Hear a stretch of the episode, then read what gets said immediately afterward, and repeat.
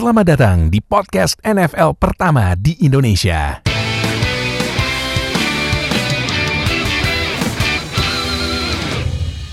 Balik lagi sama gue Fadil sekalian di Zero Knowledge Podcast Nah kita sudah berada di tanggal berapa nih? Tanggal 7 April yang berarti 23 hari lagi menuju draft Let's go. Gila gak berasa ya perasaan tahun kemarin Bentar nonton lagi draft. talenta baru Gua- masuk ke NFL. Ih, gue masih inget banget draft tahun kemarin tuh pas hari pertama banget puasa Iya, masih hari-hari awal pertama puasa banget. Hari pertama banget puasa. Eh nanti pas draft itu eh hari ke pertengahan puasa ya berarti ya? Puasa kan tanggal 13. Iya, Wih, pertengahan iya. ya udah mungkin udah 15 hari ini ya, udah masuk 15 hari terakhir. Iya, gila. Berarti tahun depannya lagi akhir eh, akhir-akhir puasa 2022 draft berarti buset ya. Tuh, Nggak berasa banget sumpah. Nah, Dan di 2022 LA Rams masih belum punya first round. eh, ada temennya kok, nggak sendirian. Oh, iya. Ada temennya kok, ada Oh, temennya iya, kok ada sekarang. temennya, ada temennya, bener, bener, bener, bener. 49ers udah nggak punya 49ers first round Oh, buat iya, tahun iya, depan. iya. Oh iya gara-gara ini ya, gara- gara-gara nge-trade sama ini ya, nge-trade sama Dolph eh Trade up karena Texans. trade up. Iya trade, trade out sama Texans ya. Hmm. Eh Texans kok Texans Dolphins Dolphins Dolphins. Iya Dolphins. Seahawks juga, Seahawks juga. Ingat, Oh, iya Seahawks anjir. makanya tiga dari tim NFC West tuh nggak ada yang punya first round buat tahun depan. Akbar. Makanya nggak itu Russell Wilson nggak di-trade aja nih. Udah.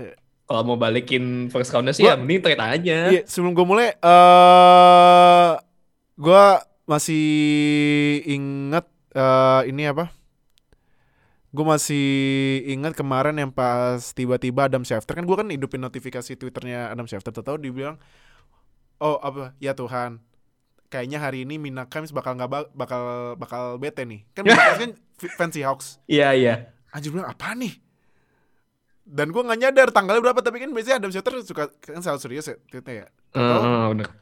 Eh, si Minakams lagi lagi ada ini kan acara juga dia di ESPN ada show-nya ESPN gitu kan. Iya Di betul. tengah show ditelepon loudspeaker, tahu dibilang the Seattle Seahawks will prepare for this year's draft. Anjing Adam Schefter tak. Di troll bisa Anjir di troll gue. Fuck, gue gue udah nunggu nunggu ngepet ngepet gue kemakan April Fool April Fools-nya Adam Schefter kampret kampret. Dikejain April Mop. Tapi juga itu sebenarnya nyindir juga kan tahun ini Seahawks picknya cuma tiga kayak nomornya Iya. Russell Wilson. Iya, picknya cuma ada tiga. Mau ngapain si Seahawks tahun ini? Tidur. Nah makanya kan cuma tiga doang. Jadi ya udah kalau gitu fans Seahawks kayaknya lebih harus lebih bobo fans Seahawks daripada Rams ya tahun ini. Oh iyalah. Lebih bobo fans Seahawks. Fans Nah, Seahawks mah cuma ini, cuma nunggu kabarnya Russell Wilson aja tahun ini Ah mah. itu bener. Gak usah mikirin draft. Nah itu iya bener. Tinggal tunggu aja gimana nasibnya Russell Wilson deh kalau misal masih ngambek. Nah kalau draftnya aja nggak bener nggak dapat OL ah udahlah udah. Bye bye. Ah, udah, udah, udah. Jadi, nah, tapi ngomong-ngomong Seahawks, nah ini ada salah satu pemainnya yang mungkin yang terkenal selain Russell Wilson, pasti ya fans 12 tahu siapa. Ini masuk ke list gua. Nah, podcast kali ini top 5 linebacker. Nah, linebacker kan gini. eh minggu kemarin kan udah bahas pass rusher. Nah, pass rusher kan kemarin gue udah gabungin sama outside linebacker, Outside linebacker. yang pakai formasi 3-4 kan. Nah, Hmm, yes. buat linebacker yang sekarang ini gue udah tulis tuh di sebelah kiri inside linebacker. Inside linebacker berarti yang di tengah gitu ya. Di Yuk. tengah gitu. Jadi eh gue mencoba membuat list dan gue lumayan pusing karena ini wah gila sih. eh inside linebacker musim ini lumayan stack. Jadi gue bingung, bingung gue bener. Tapi eh gue setelah mencoba banding-bandingin beberapa stats yang menurut gue penting buat seorang inside linebacker, gue udah dapet 5 Nah nanti Nuha juga bakal, lu dapet top 5 apa top 3 nih? Gua top 5 lah. Top 5 ya. Nanti. Nuha bakal bikin top 5 inside linebacker versi dia. Jadi yaudah, kalau gitu gua mulai dari eh gua ya. Nah, Yuk. Nuha ya. Yang peringkat 5 ini inside linebacker yang bener-bener gue suka dari zaman rookie udah gue perhatiin karena jujur ya gue gue mau bilang dulu gue karena udah nonton NFL lama banget gue lama-lama nonton passing eh nonton passing nonton offense yang passing rushing nangkep bola dan lain-lain lama bosen serius Bosen pak. gue justru sekarang offense lebih tertarik nonton gimana OL coverage-nya kalau gue Betul. Nah Sama. dan gua jauh jauh jauh lebih tertarik nonton defense. Apalagi yang urusannya udah ngejar QB cara nerobos OL pass coverage-nya linebacker cara tackle-nya cara coverage-nya safety cara cornerback jaganya gimana. Makanya kalau kalau defense ini listnya gua jujur lebih pusing jauh lebih pusing daripada uh, offense Benar, dan juga secara statistik juga sebenarnya ter- nggak segampang kalau kita ngebaca statistik dari offense. Heeh. Metriknya beda, cara perhitungannya beda, dan seru aja buat dibahas gitu secara statistik ya untuk defense. Nah, eh nah jadi itu makanya lu kalau eh, nonton defense tuh sebenarnya wah menurut gua defense itu seni NFL-nya ya sampai sebenarnya sama aja kayak kayak offense Cuman kalau lu memperdalami defense lebih lanjut wah lu bakal appreciate gimana eh moto defense wins championship. Nah, Betul, dan makanya Los Angeles Rams number one defense di itu musim iya benar benar 2020. benar benar benar benar. Dan makanya mungkin kan ya lu pada bilangnya Rams oh iya Aaron Donald sama Jalen Ramsey juga No, the Masih only Aaron ada Donald. pak Kemarin ada Darius Johnson ya nggak salah ya Eh namanya Darius Johnson ya Cornerback Darius tandemnya Williams. Darius Williams ya kok Darius Johnson Darius Williams Nah Terus Gue sempat bilang kan di grup OC Pas John Johnson pergi Wah itu huge loss buat Rams nah, Benar-benar bener- huge loss sih buat Rams. Huge bener loss Huge Huge huge loss huge banget. Huge banget Gede Gede Yang banget nah. nambahin dikit, it, yang sebenarnya yang bikin secondary Rams tuh yang tahun lalu kan secondary Rams tuh dibilang one of the best lah di musim Mhm. 2020. Sebenarnya bukan karena Jalen Ramsey.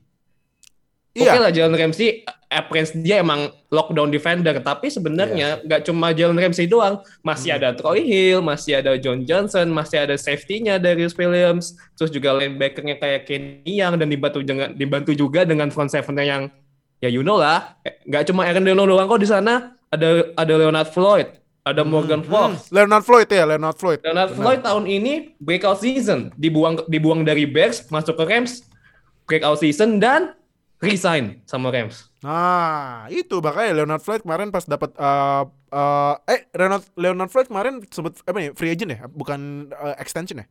Free agent sempat sebentar Free agent, doang oh, free resign berarti habis ya, resign. Nah, jadi ya gue kalau bilang Aaron Donald ya emang Aaron Donald force-nya Rams, cuman di samping Aaron Donald ada Leonard Floyd gitu. Nah, tapi kan itu mengenai defense. Nah, biar ini maksudnya biar kalian mengapresiasi dan mulai menonton defense gitu. Betul. Jangan, Uh. jangan dikit-dikit, wih Mahomes keren.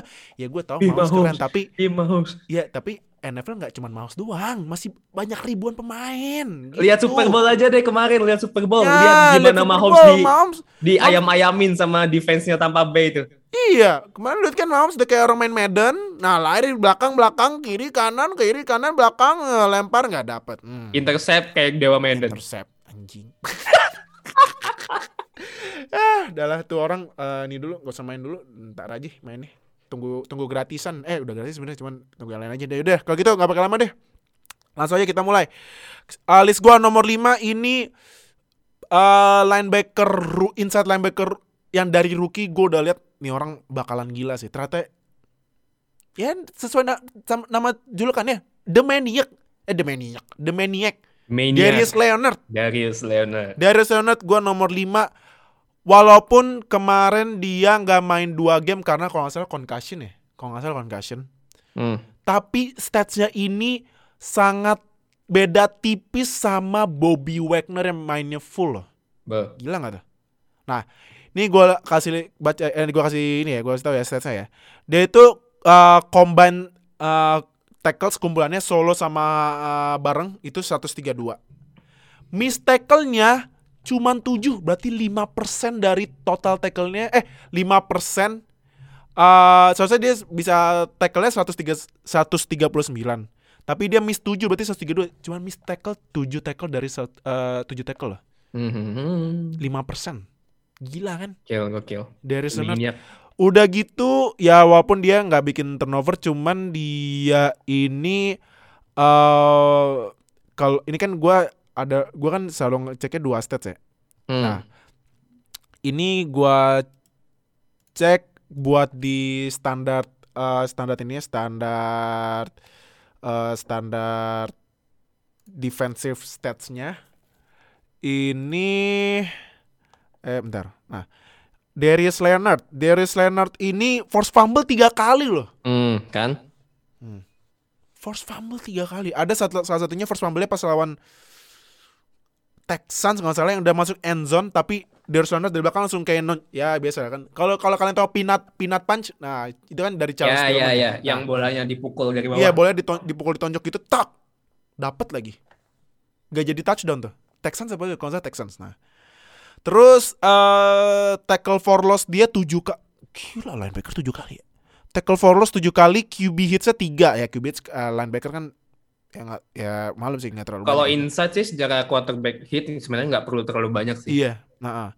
sama ini dia juga fumble recovery-nya dua kali Nah, Lumayan Jadi- lah. Jadi lu bayangin aja nih, Darius Leonard yang gak main dua kali dibanding sama Bobby Wagner yang combine tackle-nya ini 138, Darius Leonard 132. Berarti otomatis kalau misalnya Darius Leonard main dua kali lagi, oh stats-nya Lebih, pasti melebihi. kumpulan tackle-nya lebih tinggi daripada Bobby Wagner. melebihi Bobby. Wagner. Itu. Jadi makanya gua taruh uh, Darius Leonard di peringkat kelima.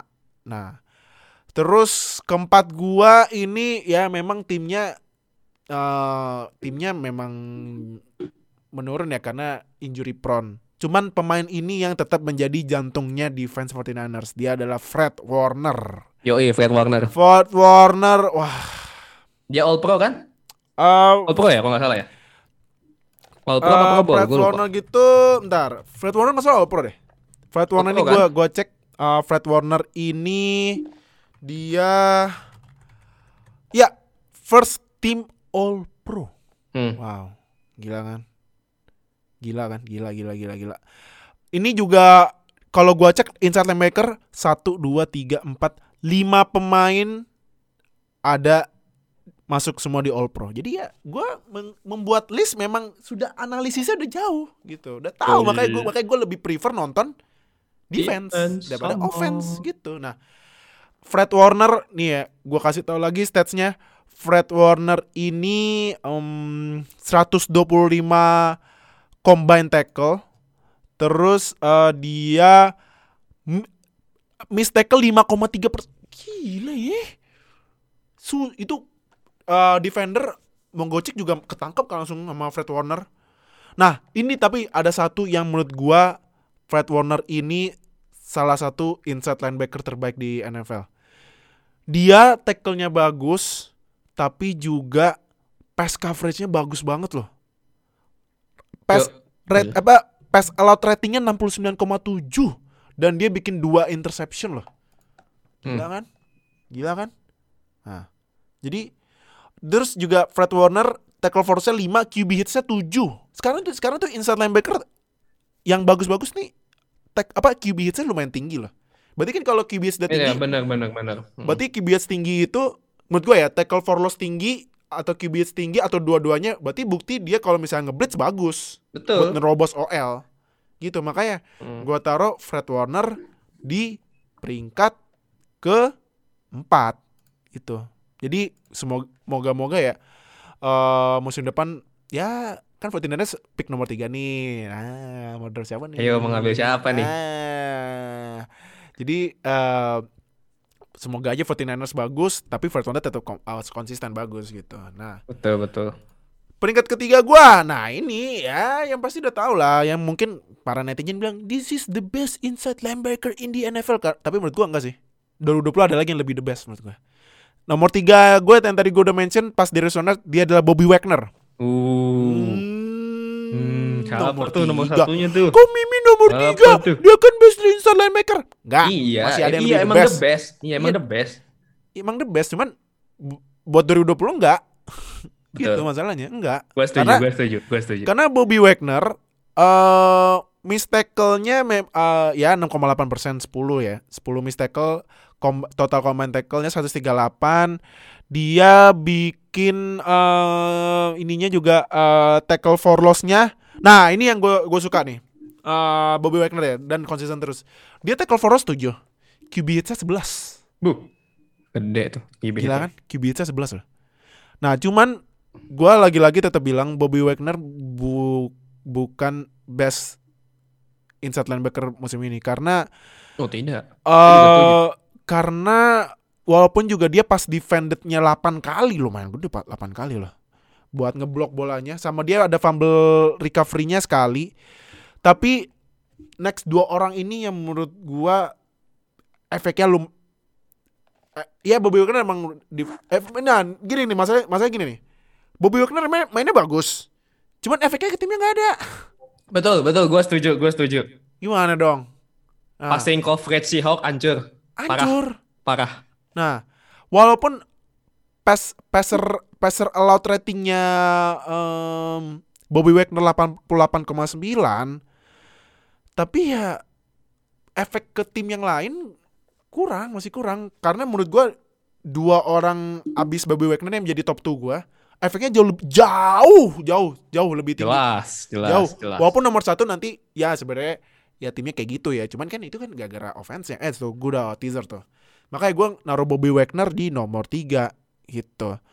Nah nomor dua gua oh gue baru inget. Nah eh ini gua cek Bobby Wagner kenapa dia QB hitsnya lumayan gede musim ini. Karena dia ngeblitznya.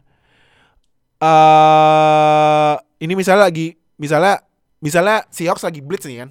Ya, ini Bobby Wagner ikutan blitz 100 kali. Gila. buset. Tapi ya, tapi kan 100 kali kan ya ya kan play call satu play call satu game kan play callnya bisa lumayan banyak bisa 30-an bisa betul. berapa ya itu 100 Betul. lumayan tapi lumayan gede 100 dibanding sama yang lain. Mm-mm. Nah, eh tapi tetap gue taruh Bobby Wagner nomor 3 gitu. Nah, top 2.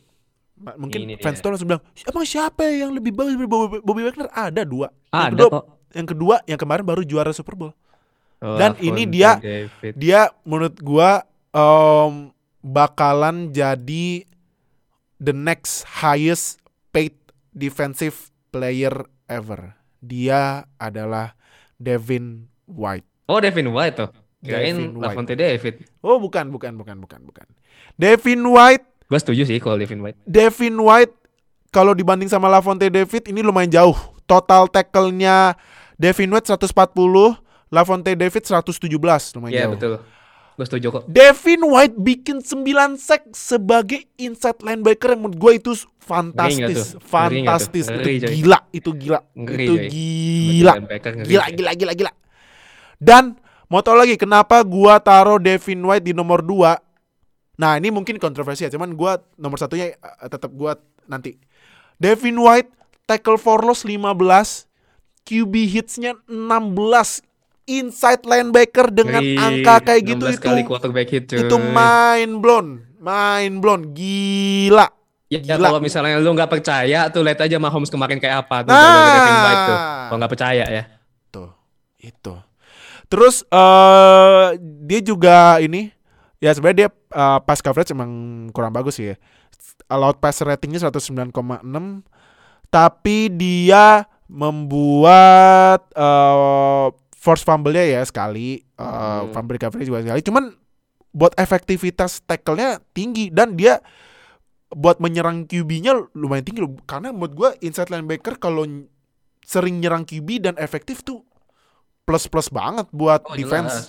Apalagi kan Buccaneers sudah tahu eh pass rusher-nya ada Shaquille Barrett, Barrett, ada Ndamu Kongsu, Kongsu. Vita Vea kan tapi kan cedera dia baru main lagi pas playoff ya. Ya dua itulah. Nah, dua. Hmm. Ditambah sama Devin White loh. Sama ini Jason Pierre-Paul. Jason Pierre-Paul. Oh iya gue lupa Jason Pierre-Paul. Oh iya lupa, lupa, lupa. Tambah Jason Pierre-Paul plus Devin White yang inside linebacker loh. Makanya Ngeri nggak tuh? Ngeri emang Devin White musim Tahun kemarin. lalu Buccaneers defense defense ngeri Iya, sih. Iya makanya makanya buat fans Bucks apalagi yang ahem. Jangan nonton Brady doang. Defense-nya juga bagus. Devin White tuh diperhatiin gitu loh. Nah, ya Devin. White. Nah, itu makanya gila sih Devin White gua gua kan itu kan kemarin kan gue masih ingat banget 2019 itu Devin White satu kelas sama Devin Bush ya. ya, Devin Pas- Bush betul. Pas gua tahu Devin White pergi ke Bucks gue langsung ah shit. Gak ke Steelers gitu. Tahu Steelers trade up ambil Devin eh Devin eh iya Devin White kan ke Bucks. Toto gue kan emang ya, ya gue sebenarnya pengen banget Devin White ya. karena buat gantiin Shazier. Tato diambil sama Buccaneers. Eh, Tato Steelers trade, trade up ngambil Devin Bush. Wah, udah lumayan lah. Ya, oke lah. Lumayan, lumayan, lumayan, oke lumayan. kok. Not bad kok Devin Not Bush. bad iya. Makanya walaupun walaupun kemarin juga out for season tapi gue yakin 2021 dia bisa comeback lebih bagus lagi sih. Nah, pasti penasaran kan nomor satu siapa? Nah, ini pas ini pemain yang lu semua jarang denger, tapi gue tahu dia Kayaknya gue tahu nih siapa nih. disruptif menurut gue. Kayaknya gue tahu siapa nih. Karena ya beginilah kalau misalnya nontonnya cuman via media aja. Jangan nontonnya via media doang. Nontonnya film jangan study. cuma di Instagram doang, jangan cuma Iya. lihat highlight di IG doang. Jangan nonton highlights di House of Highlights atau misalnya dari akun-akun lain, film study lah gitu. Yuk, Dia belajar yuk. adalah ya itu belajar NFL gitu. Nah. Dia adalah seorang linebacker dari Chicago Bears. Oh, tapi bukan Khalil Mack. Khalil Mack kan udah Bukan. kemarin pass rush tapi nggak masuk ya kalau Mac kan outside ya jadi beda. outside beda. Nah, pasti lu semua shock kalau gua sebut nama ini. Dia adalah Roquan Smith. Smith. Yoi. Gila nih orang. Oke. Roquan Smith 139 combine tackle, tackle for loss-nya 18. Lu mau tahu eh 18 itu eh bentar, tackle for loss 18 tackle for loss 18 ini lebih bagus daripada sorry ya, no ya. Tackle Hmm. for loss 18 lebih bagus daripada Aaron Donald lah. Iya, Aaron Donald yang 14. beda posisi jadi Iya, wajar. karena beda posisi juga. Cuman ya lu lagi-lagi gue bilang inside linebacker dengan tackle for loss segede itu gila. Gila, serius dong. gila. Karena tackle for loss segede itu biasanya angka-angka buat pass rusher. Karena Iya, kan pass rusher betul. cepet cepet nembus ya kan. Inside linebacker kan Hmm. walaupun cuman ya beda 3 sampai 5 tapi kan butuh waktu kan buat lari. Iya, Ini betul. Roquan Smith bisa nembus tackle for loss kalau misalnya kasih ke running back atau passingnya ke samping kayak screen gitu. Wuh, gila sih. Ya walaupun QB-nya cuma 6 tapi nih ya, yang gua apresiasi dari Roquan Smith dan gua pilih dia jadi inside linebacker terbaik di NFL musim 2020. Dia sebagai inside linebacker allowed passer rati- ratingnya dibanding sama yang tadi gue pilih empat lainnya itu dia allowed passer ratingnya 59,6 Hmm, dengan dua itu. interception dikit itu. terus Iya. juga dia pas defendednya empat kali ya walaupun walaupun Bobby Wagner 8 ya cuman lu nih ya passer rating 59,6 lah nih di eh Bobby Wagner oh eh dia Roquan Smith sama Bobby Wagner emang eh ininya apa pass coverage emang bagus cuman kalau dari impact the passer ratingnya sih sebenarnya. Iya. Allowed passer ratingnya jauh jauh jauh lebih bagus Roquan Smith. Mm-mm. Terus juga dia miss tackle-nya 6,7 persen. Beda dikit banget sama Bobby Wagner. Bobby Wagner tadi 6,8 persen. Tapi gue gue yang sangat-sangat suka dari Roquan Smith ini tackle for loss sama allowed passer ratingnya. Jadi allowed passer ratingnya. Jadi ya dari situ aja udah membuktikan Roquan Smith memang eh ini Roquan Smith emang eh complete inside linebacker dan ada lagi tambah lagi tambah lagi satu lagi um, Roquan Smith kalau lagi pass coverage ini ada nama statsnya total air yards on completion berarti total eh, bola saat dilempar itu nah terus ditangkap Ya, terus abis itu langsung di tackle ya betul. Roquan Smith jagain WR yang di eh, WR yang dijaga WR yang di di covernya. Kalau misalnya di complete cuman allowed ininya allowed total air yards on completionnya 66 yards doang.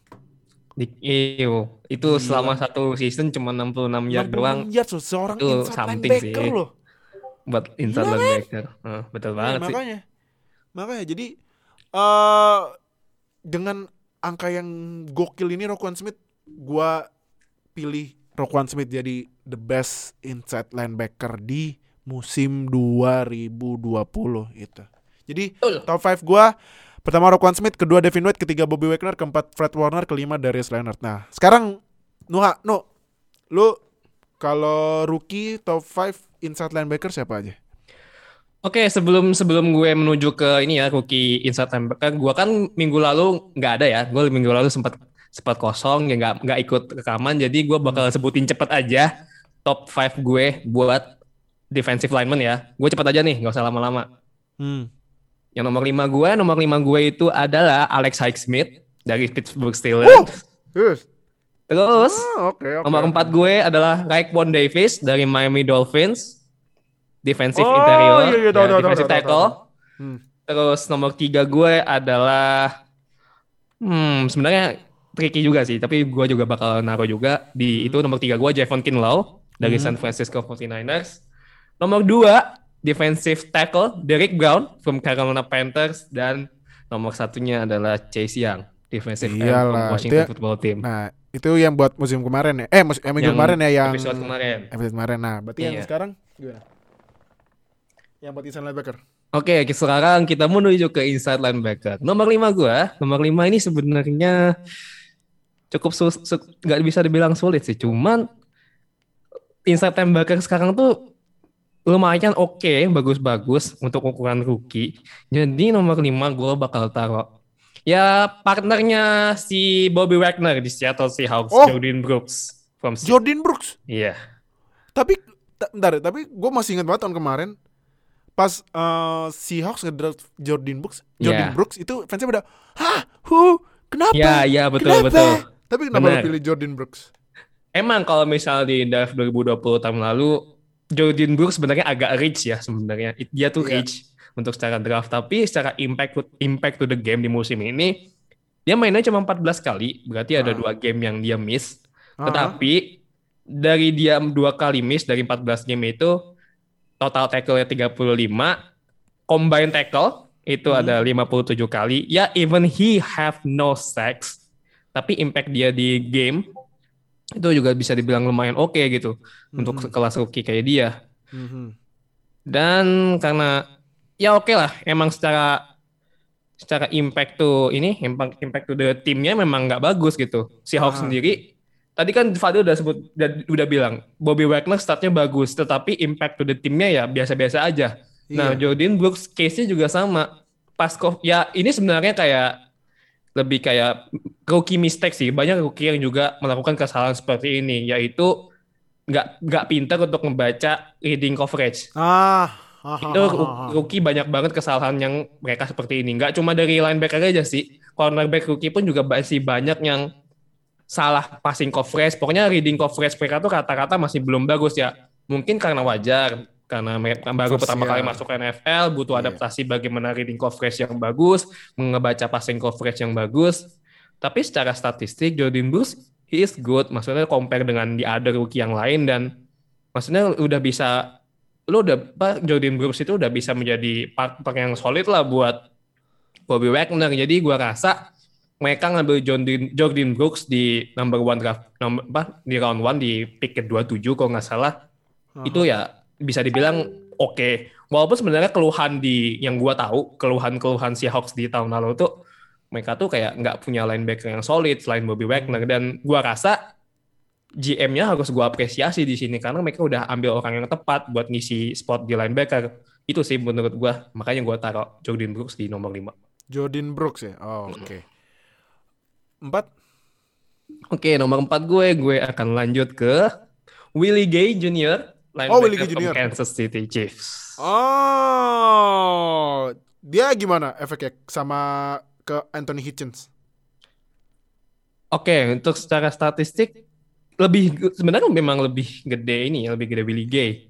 Oh iya. dia iya secara secara tackle dia tackle 29 kali, Aha. combine tackle-nya 39 kali berarti ya udah sama tackle for loss dan lain-lain lah ya. Mhm. Sack cuma sekali. Tapi memang kalau secara impact to the game memang lebih bagus Gay karena ah, banyak apa? Dia tuh sebagai linebacker dia tuh ya valuable lah dengan valuable banget gitu. Misalnya mau kalau menurut gua nggak nggak bisa dibilang surplus juga. He fit to the defense system of the chief gitu. Jadi Ah. memang secara skema defense chief Billy Gay itu memang udah cocok dengan dengan ini dengan skema defense chief. Apalagi kalau misalnya dia starter, dia dimainin dari menit pertama, impact dia tuh ya kelihatan nggak cuma oh nggak cuma ya sekedar ya main aja gitu, tapi memang impact dia di di tim, di chief, di linebacker, di posisi linebacker khususnya itu memang ya kelihatan nggak cuma ya ada dan tiada aja sih Willie Gay ini. Walaupun emang secara statistik kayaknya nggak terlalu wah, tapi gua rasa defense-nya Chief tuh is to it menurut gue ya. Defense-nya Chief musim ini tuh slightly underrated. Sebenarnya bagus kok defense-nya Chief. Nggak, ya maksudnya nggak bisa dibilang jelek, nggak bisa dibilang bagus. Tapi kalau misalnya di level di average, jadi average level, Chief itu lebih di atas sedikit. Misalnya daripada kayak apa ya, kayak tim kayak ini, kayak kayak tim-tim yang Vikings itu kayak Vikings malah kayak kayak Dolphins itu Chief tuh slightly underrated karena si Willie Gay ini menjadi salah satu faktor kenapa Chief itu defense-nya lumayan oke okay. walaupun sebenarnya nggak bagus ya nggak bagus-bagus amat ya itu karena terbantu sama secondary Chief yang lebih bagus daripada front seven-nya nanti di episode secondary gue bakal sebut salah satu secondary Chief yang paling bagus Hmm, oke oke oke oke oke. Um, berarti kalau gitu ketiga siapa? Sebenarnya gue nggak mau naruh orang ini sih, tapi in progress selama musim selama season 2020 ternyata pelatihnya udah mulai ngerti cara pakai dia.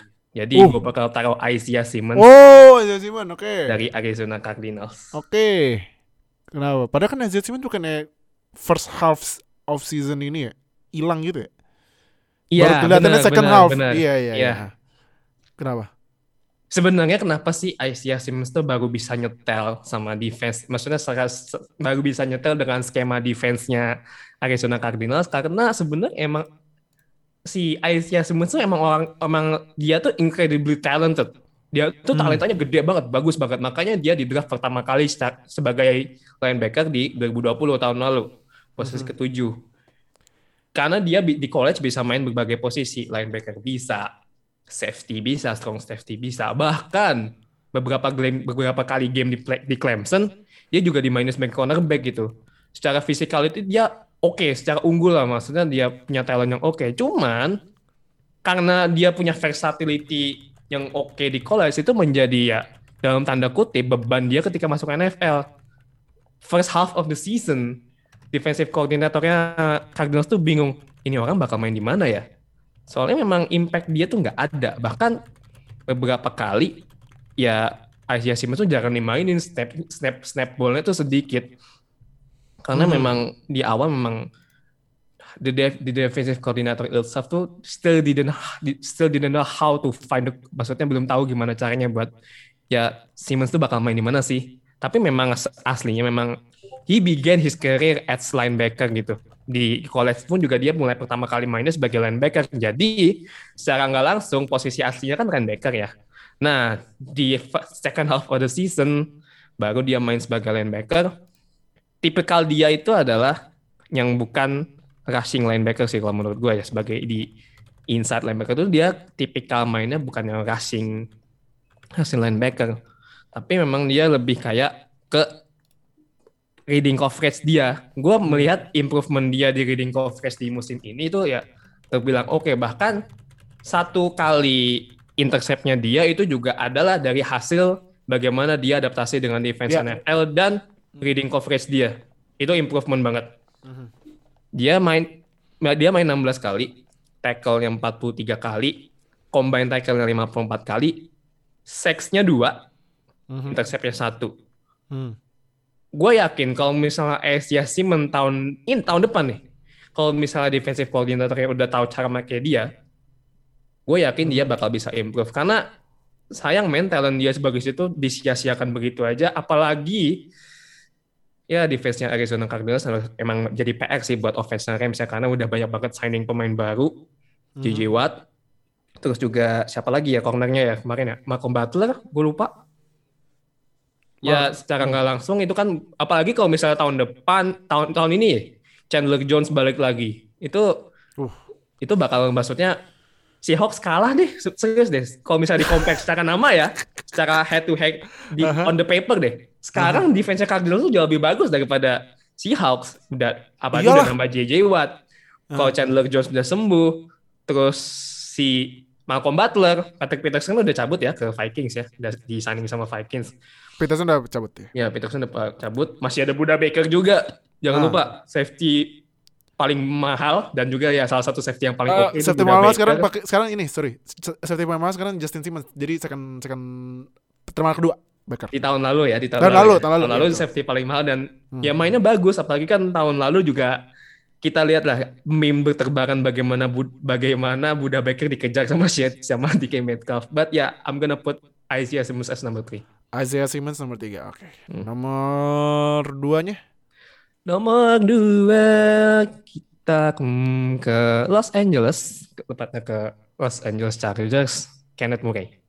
Kenneth Los Angeles Chargers kan oh Kenneth Murray. Ya ya ya kenal Kenneth, Kenneth Murray. Murray. Draft Iya, from. Oklahoma. Iya kenapa Kenneth Murray? Dia main 16 kali, tackle-nya 68 kali. Dia si Kenneth Murray ini leading tackle ya, leading leading tackle 68 kali. Dan leading combine tackle 107 kali. uh oke Impact dia di Chargers itu gede. Mungkin di awal, di awal dia di draft tuh banyak selentingan kalau misalnya Kenneth Murray itu nggak bakal terlalu sukses di season pertama dia main di NFL, but Chargers dapat orang tepat menurut gua. Karena Hmm. dia main di college ya, dia tiga tahun main di Oklahoma. Di college aja dia average-nya 100 112 combine tackle, ah 12 tackle for loss. Itu dia itu dia cuma main tiga tahun di Oklahoma. mhm. Dan dia tuh orang dia nih si Kenneth Murray ini kalau misalnya lu kalau misalnya lu pada nonton ya main Chargers secara defense, Mhm. dia tuh cepat mainnya. Dia tuh, tuh speednya bagus ya. Dia punya speed yang di mana yang bikin dia kenapa punya combine tackle sebesar ini 117 combine tackle itu karena dia speednya tuh bagus. Emang Ah. dia bukan tipikal yang atletik yang bukan tipikal atletik yang badannya gede gitu. Cuman dia punya fisik, dia punya advantage di speednya dia. Dia bisa ngejar, dia bisa ngejar kalau misalnya running running back running back running back udah masuk gitu, lewat jalurnya dia ada Kenneth Murray di situ bisa dikejar terus kalau misalnya dan menurut gua lain- apa untuk rookie 2020 Kenneth Murray itu yang reading reading coverage-nya salah satu yang paling bagus. Oh. Untuk rookie ya untuk rookie ya untuk Kenneth Murray. Aha. Makanya dia punya jumlah tackle yang gede ya. Jumlah tackle yang gede itu bukan tanpa alasan. Berarti dia tahu gimana caranya ngebaca ke, ke arah mana running back itu lari ke arah mana wide receiver itu lari. Mhm. Berarti dia udah bisa settle dan bisa adaptasi dengan defense NFL yang ya rollingnya tuh cepet gitu. Mhm. Jadi ya kenapa gua harus taruh dia di bawah sedang kalau dia udah bisa adaptasi dengan skema defense NFL dengan cepat itu gitu loh. Hmm, oke oke oke. Oke oke oke. Kenneth Murray ya Yoi. di Chargers. Tapi nomor satu gue tahu sih, karena gue kalau nonton tim gue lawan tim ini, wah dia ngeri gue. Kalau misalnya nembus kena tackle, tackle loss lumayan. Ini juga tackle efektif. Nah, Yoi. tapi gue gua nggak kayak kan biasanya gue nomor satu langsung nanya kenapa ini nih langsung nama pemainnya. Tapi lu udah sebut nomor satu siapa? Nomor satu saya dari LSU Patrick Hmm. Quinn linebacker from Baltimore Ravens. Patrick Quinn, iya Patrick Quinn emang mantep emang dia. Emang mantep banget Tapi sih. kenapa Patrick Quinn? Patrick Quinn ini di LSU pun dia juga kontribut eh, contributor to the game tuh juga keren banget itu makanya Patrick Quinn tuh ketika LSU juara itu salah satu key factor kenapa LSU bisa juara. Salah satu key factornya itu Patrick Quinn juga. Dan di draft dengan dia di draft nomor berapa ya gue lupa. Eh nomor nomor nomor 27 ya kalau nggak salah ya. Ya, no eh sorry, nomor 28.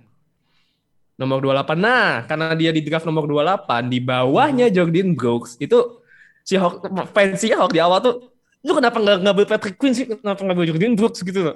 Ah, iya, aduh. Makanya kan. Aduh. Oh, iya, Padahal di- Patrick Quinn waktu itu masih ya technically itu the best talent in the draft yang tersisa di 2020 musim lalu ya sebelum mereka diambil sama Ravens. Dan ya it, dan performa dia di college itu ya ditranslate dengan baik sama Patrick Quinn di NFL. Talentnya salah satu yang high ya di draft tahun lalu. Dan Ravens pun naruh dia ya langsung menjadi pengganti role-nya si Jim Mosley waktu zaman dulu.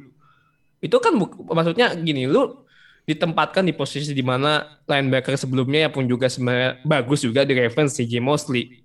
Itu ya itu menjadi as an honor and privilege buat Patrick Quinn menurut gua. Mhm. 68 kali tackle, eh sorry, 66 kali tackle, 106 combine tackle, 3 sacks. Ya, ya, rookie lah, 3 sacks, wajar. Apalagi ini saat linebacker, posisinya beda, nggak kayak outside. Dan satu intercept. Secara statistik ya memang, ya memang kalau misalnya diukur dengan linebacker yang lain terlihat biasa aja. Cuman impact to the game-nya Ravens yang really high blitz. Ravens itu secara defense gameplaynya tuh bener-bener high blitz ya.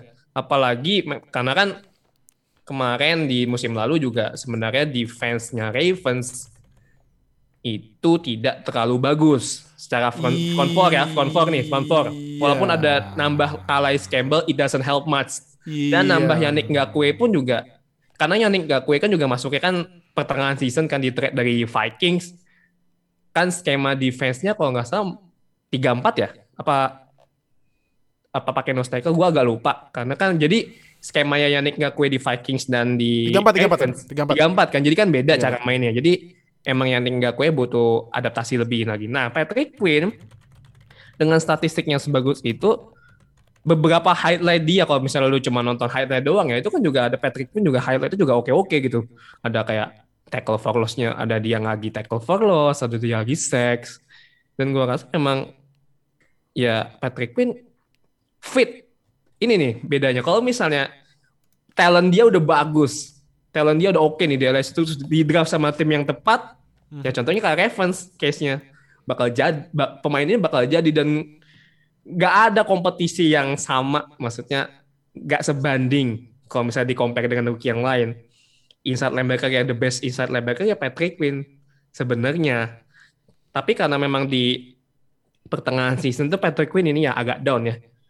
Makanya statistiknya tuh bisa di, dikejar secara statistik bisa dikejar sama Pat sama Kenneth Murray karena di half of half of the seasonnya Ravens tuh mainnya tuh nggak terlalu bagus. Dia kayak ya rookie mistake lah kayak kelemahan-kelemahan reading coverage itu mulai ke, mulai ke expose. Makanya gue bilang Kenneth Murray itu yang the best of reading coverage defense. Karena Patrick Quinn di pertengahan musim kedua kelemahan itu keluar. Reading coverage itu kurang. Oke lah, karena memang ini kembali lagi ke faktor bermainnya Ravens yang yang high blitz ya, yang blitznya cukup gede, yang sering terlalu, yang cukup sering main blitz, sehingga lupa agak mungkin agak sedikit lupa how to coverage passing defense karena terlalu fokus buat ngejar ya ngejar quarterback jadi kalau misal tipikalnya lawan kayak yang mainnya quarterbacknya yang quick pass gitu itu bakal kewalahan sih menurut gue jadi ya dan itu terbukti lagi di stat- statistiknya dia secara impact to the game Patrick Quinn di half of the season tuh menurun makanya bisa disusul sama Kenneth Murray tapi walaupun gitu ya talent dia bagus dengan dia di draft dengan tim yang tepat, gue yakin Patrick Quinn di musim depan bakal jauh lebih bagus lagi sih. Hmm. Oke oke oke oke. Patrick Quinn ya. Eh Patrick Quinn ya. Ya. Oke, Dan tahu nggak komparasi gue sama dia sama siapa? Siapa? Roquan Smith. Serius? Ya, komparasi gue. Mirip, ca- cara mainnya mirip soalnya. Oh mainnya iya tapi mainnya mirip ya. Cara mainnya mirip. Ah, Rako Rakon Smith. Hmm, oke. Tahun oke, depan oke. mungkin bisa jadi sih. Tapi gue ya Tapi- let's see what's gonna happen lah. Iya, tapi gue liat emang Patrick Smith emang se- sering banget ngeblitz nembus OL-nya cepet sih. Abangin dia kan eh apa eh Patrick Quinn, Patrick Patrick Quinn ini dia tuh Patrick Quinn kalau gua cek ini QB QB ininya QB apa namanya? QB QB QB, knockdownnya lumayan banyak sih tujuh. Lumayan gede emang. lumayan gede. Terus tackle for loss dia kalau nggak salah juga lumayan gede deh tengok Tackle for loss dia. Tackle for lossnya dia sembilan kibitnya sepuluh. Wah gila ya. Bener gede juga ya. bener juga ya Betul. terus juga fumble returnnya du oh Fumble returnnya dua kali, force fumble-nya dua kali. Iya. Dan fumble return touchdown-nya sekali. ah wah Gue inget itu lawan apa ya, gue lupa. Maksudnya gue inget dia bikin fumble return touchdown, tapi gue lupa lawan siapa sih. hmm iya iya iya iya iya iya. wah gila sih gila gila gila gila wah Iya sih bener bener bener bener Patrick Quinn ya Wah berarti ini gue harus perhatiin Patrick Quinn nih next season nih Nah, Karena gue ayo, juga udah perhatiin lawan Patrick sih. lawan lu Ah, iya defense-nya Patrick Quinn. Aduh ini gua, ah, ngeri gue. Jadi udah kalau gitu itu uh, listnya Nuha yang rookie. Nah tadi gue juga udah bikin list. Kalau kalian gimana inside linebacker versi kalian langsung aja tu- tulis di komen yang nonton di YouTube.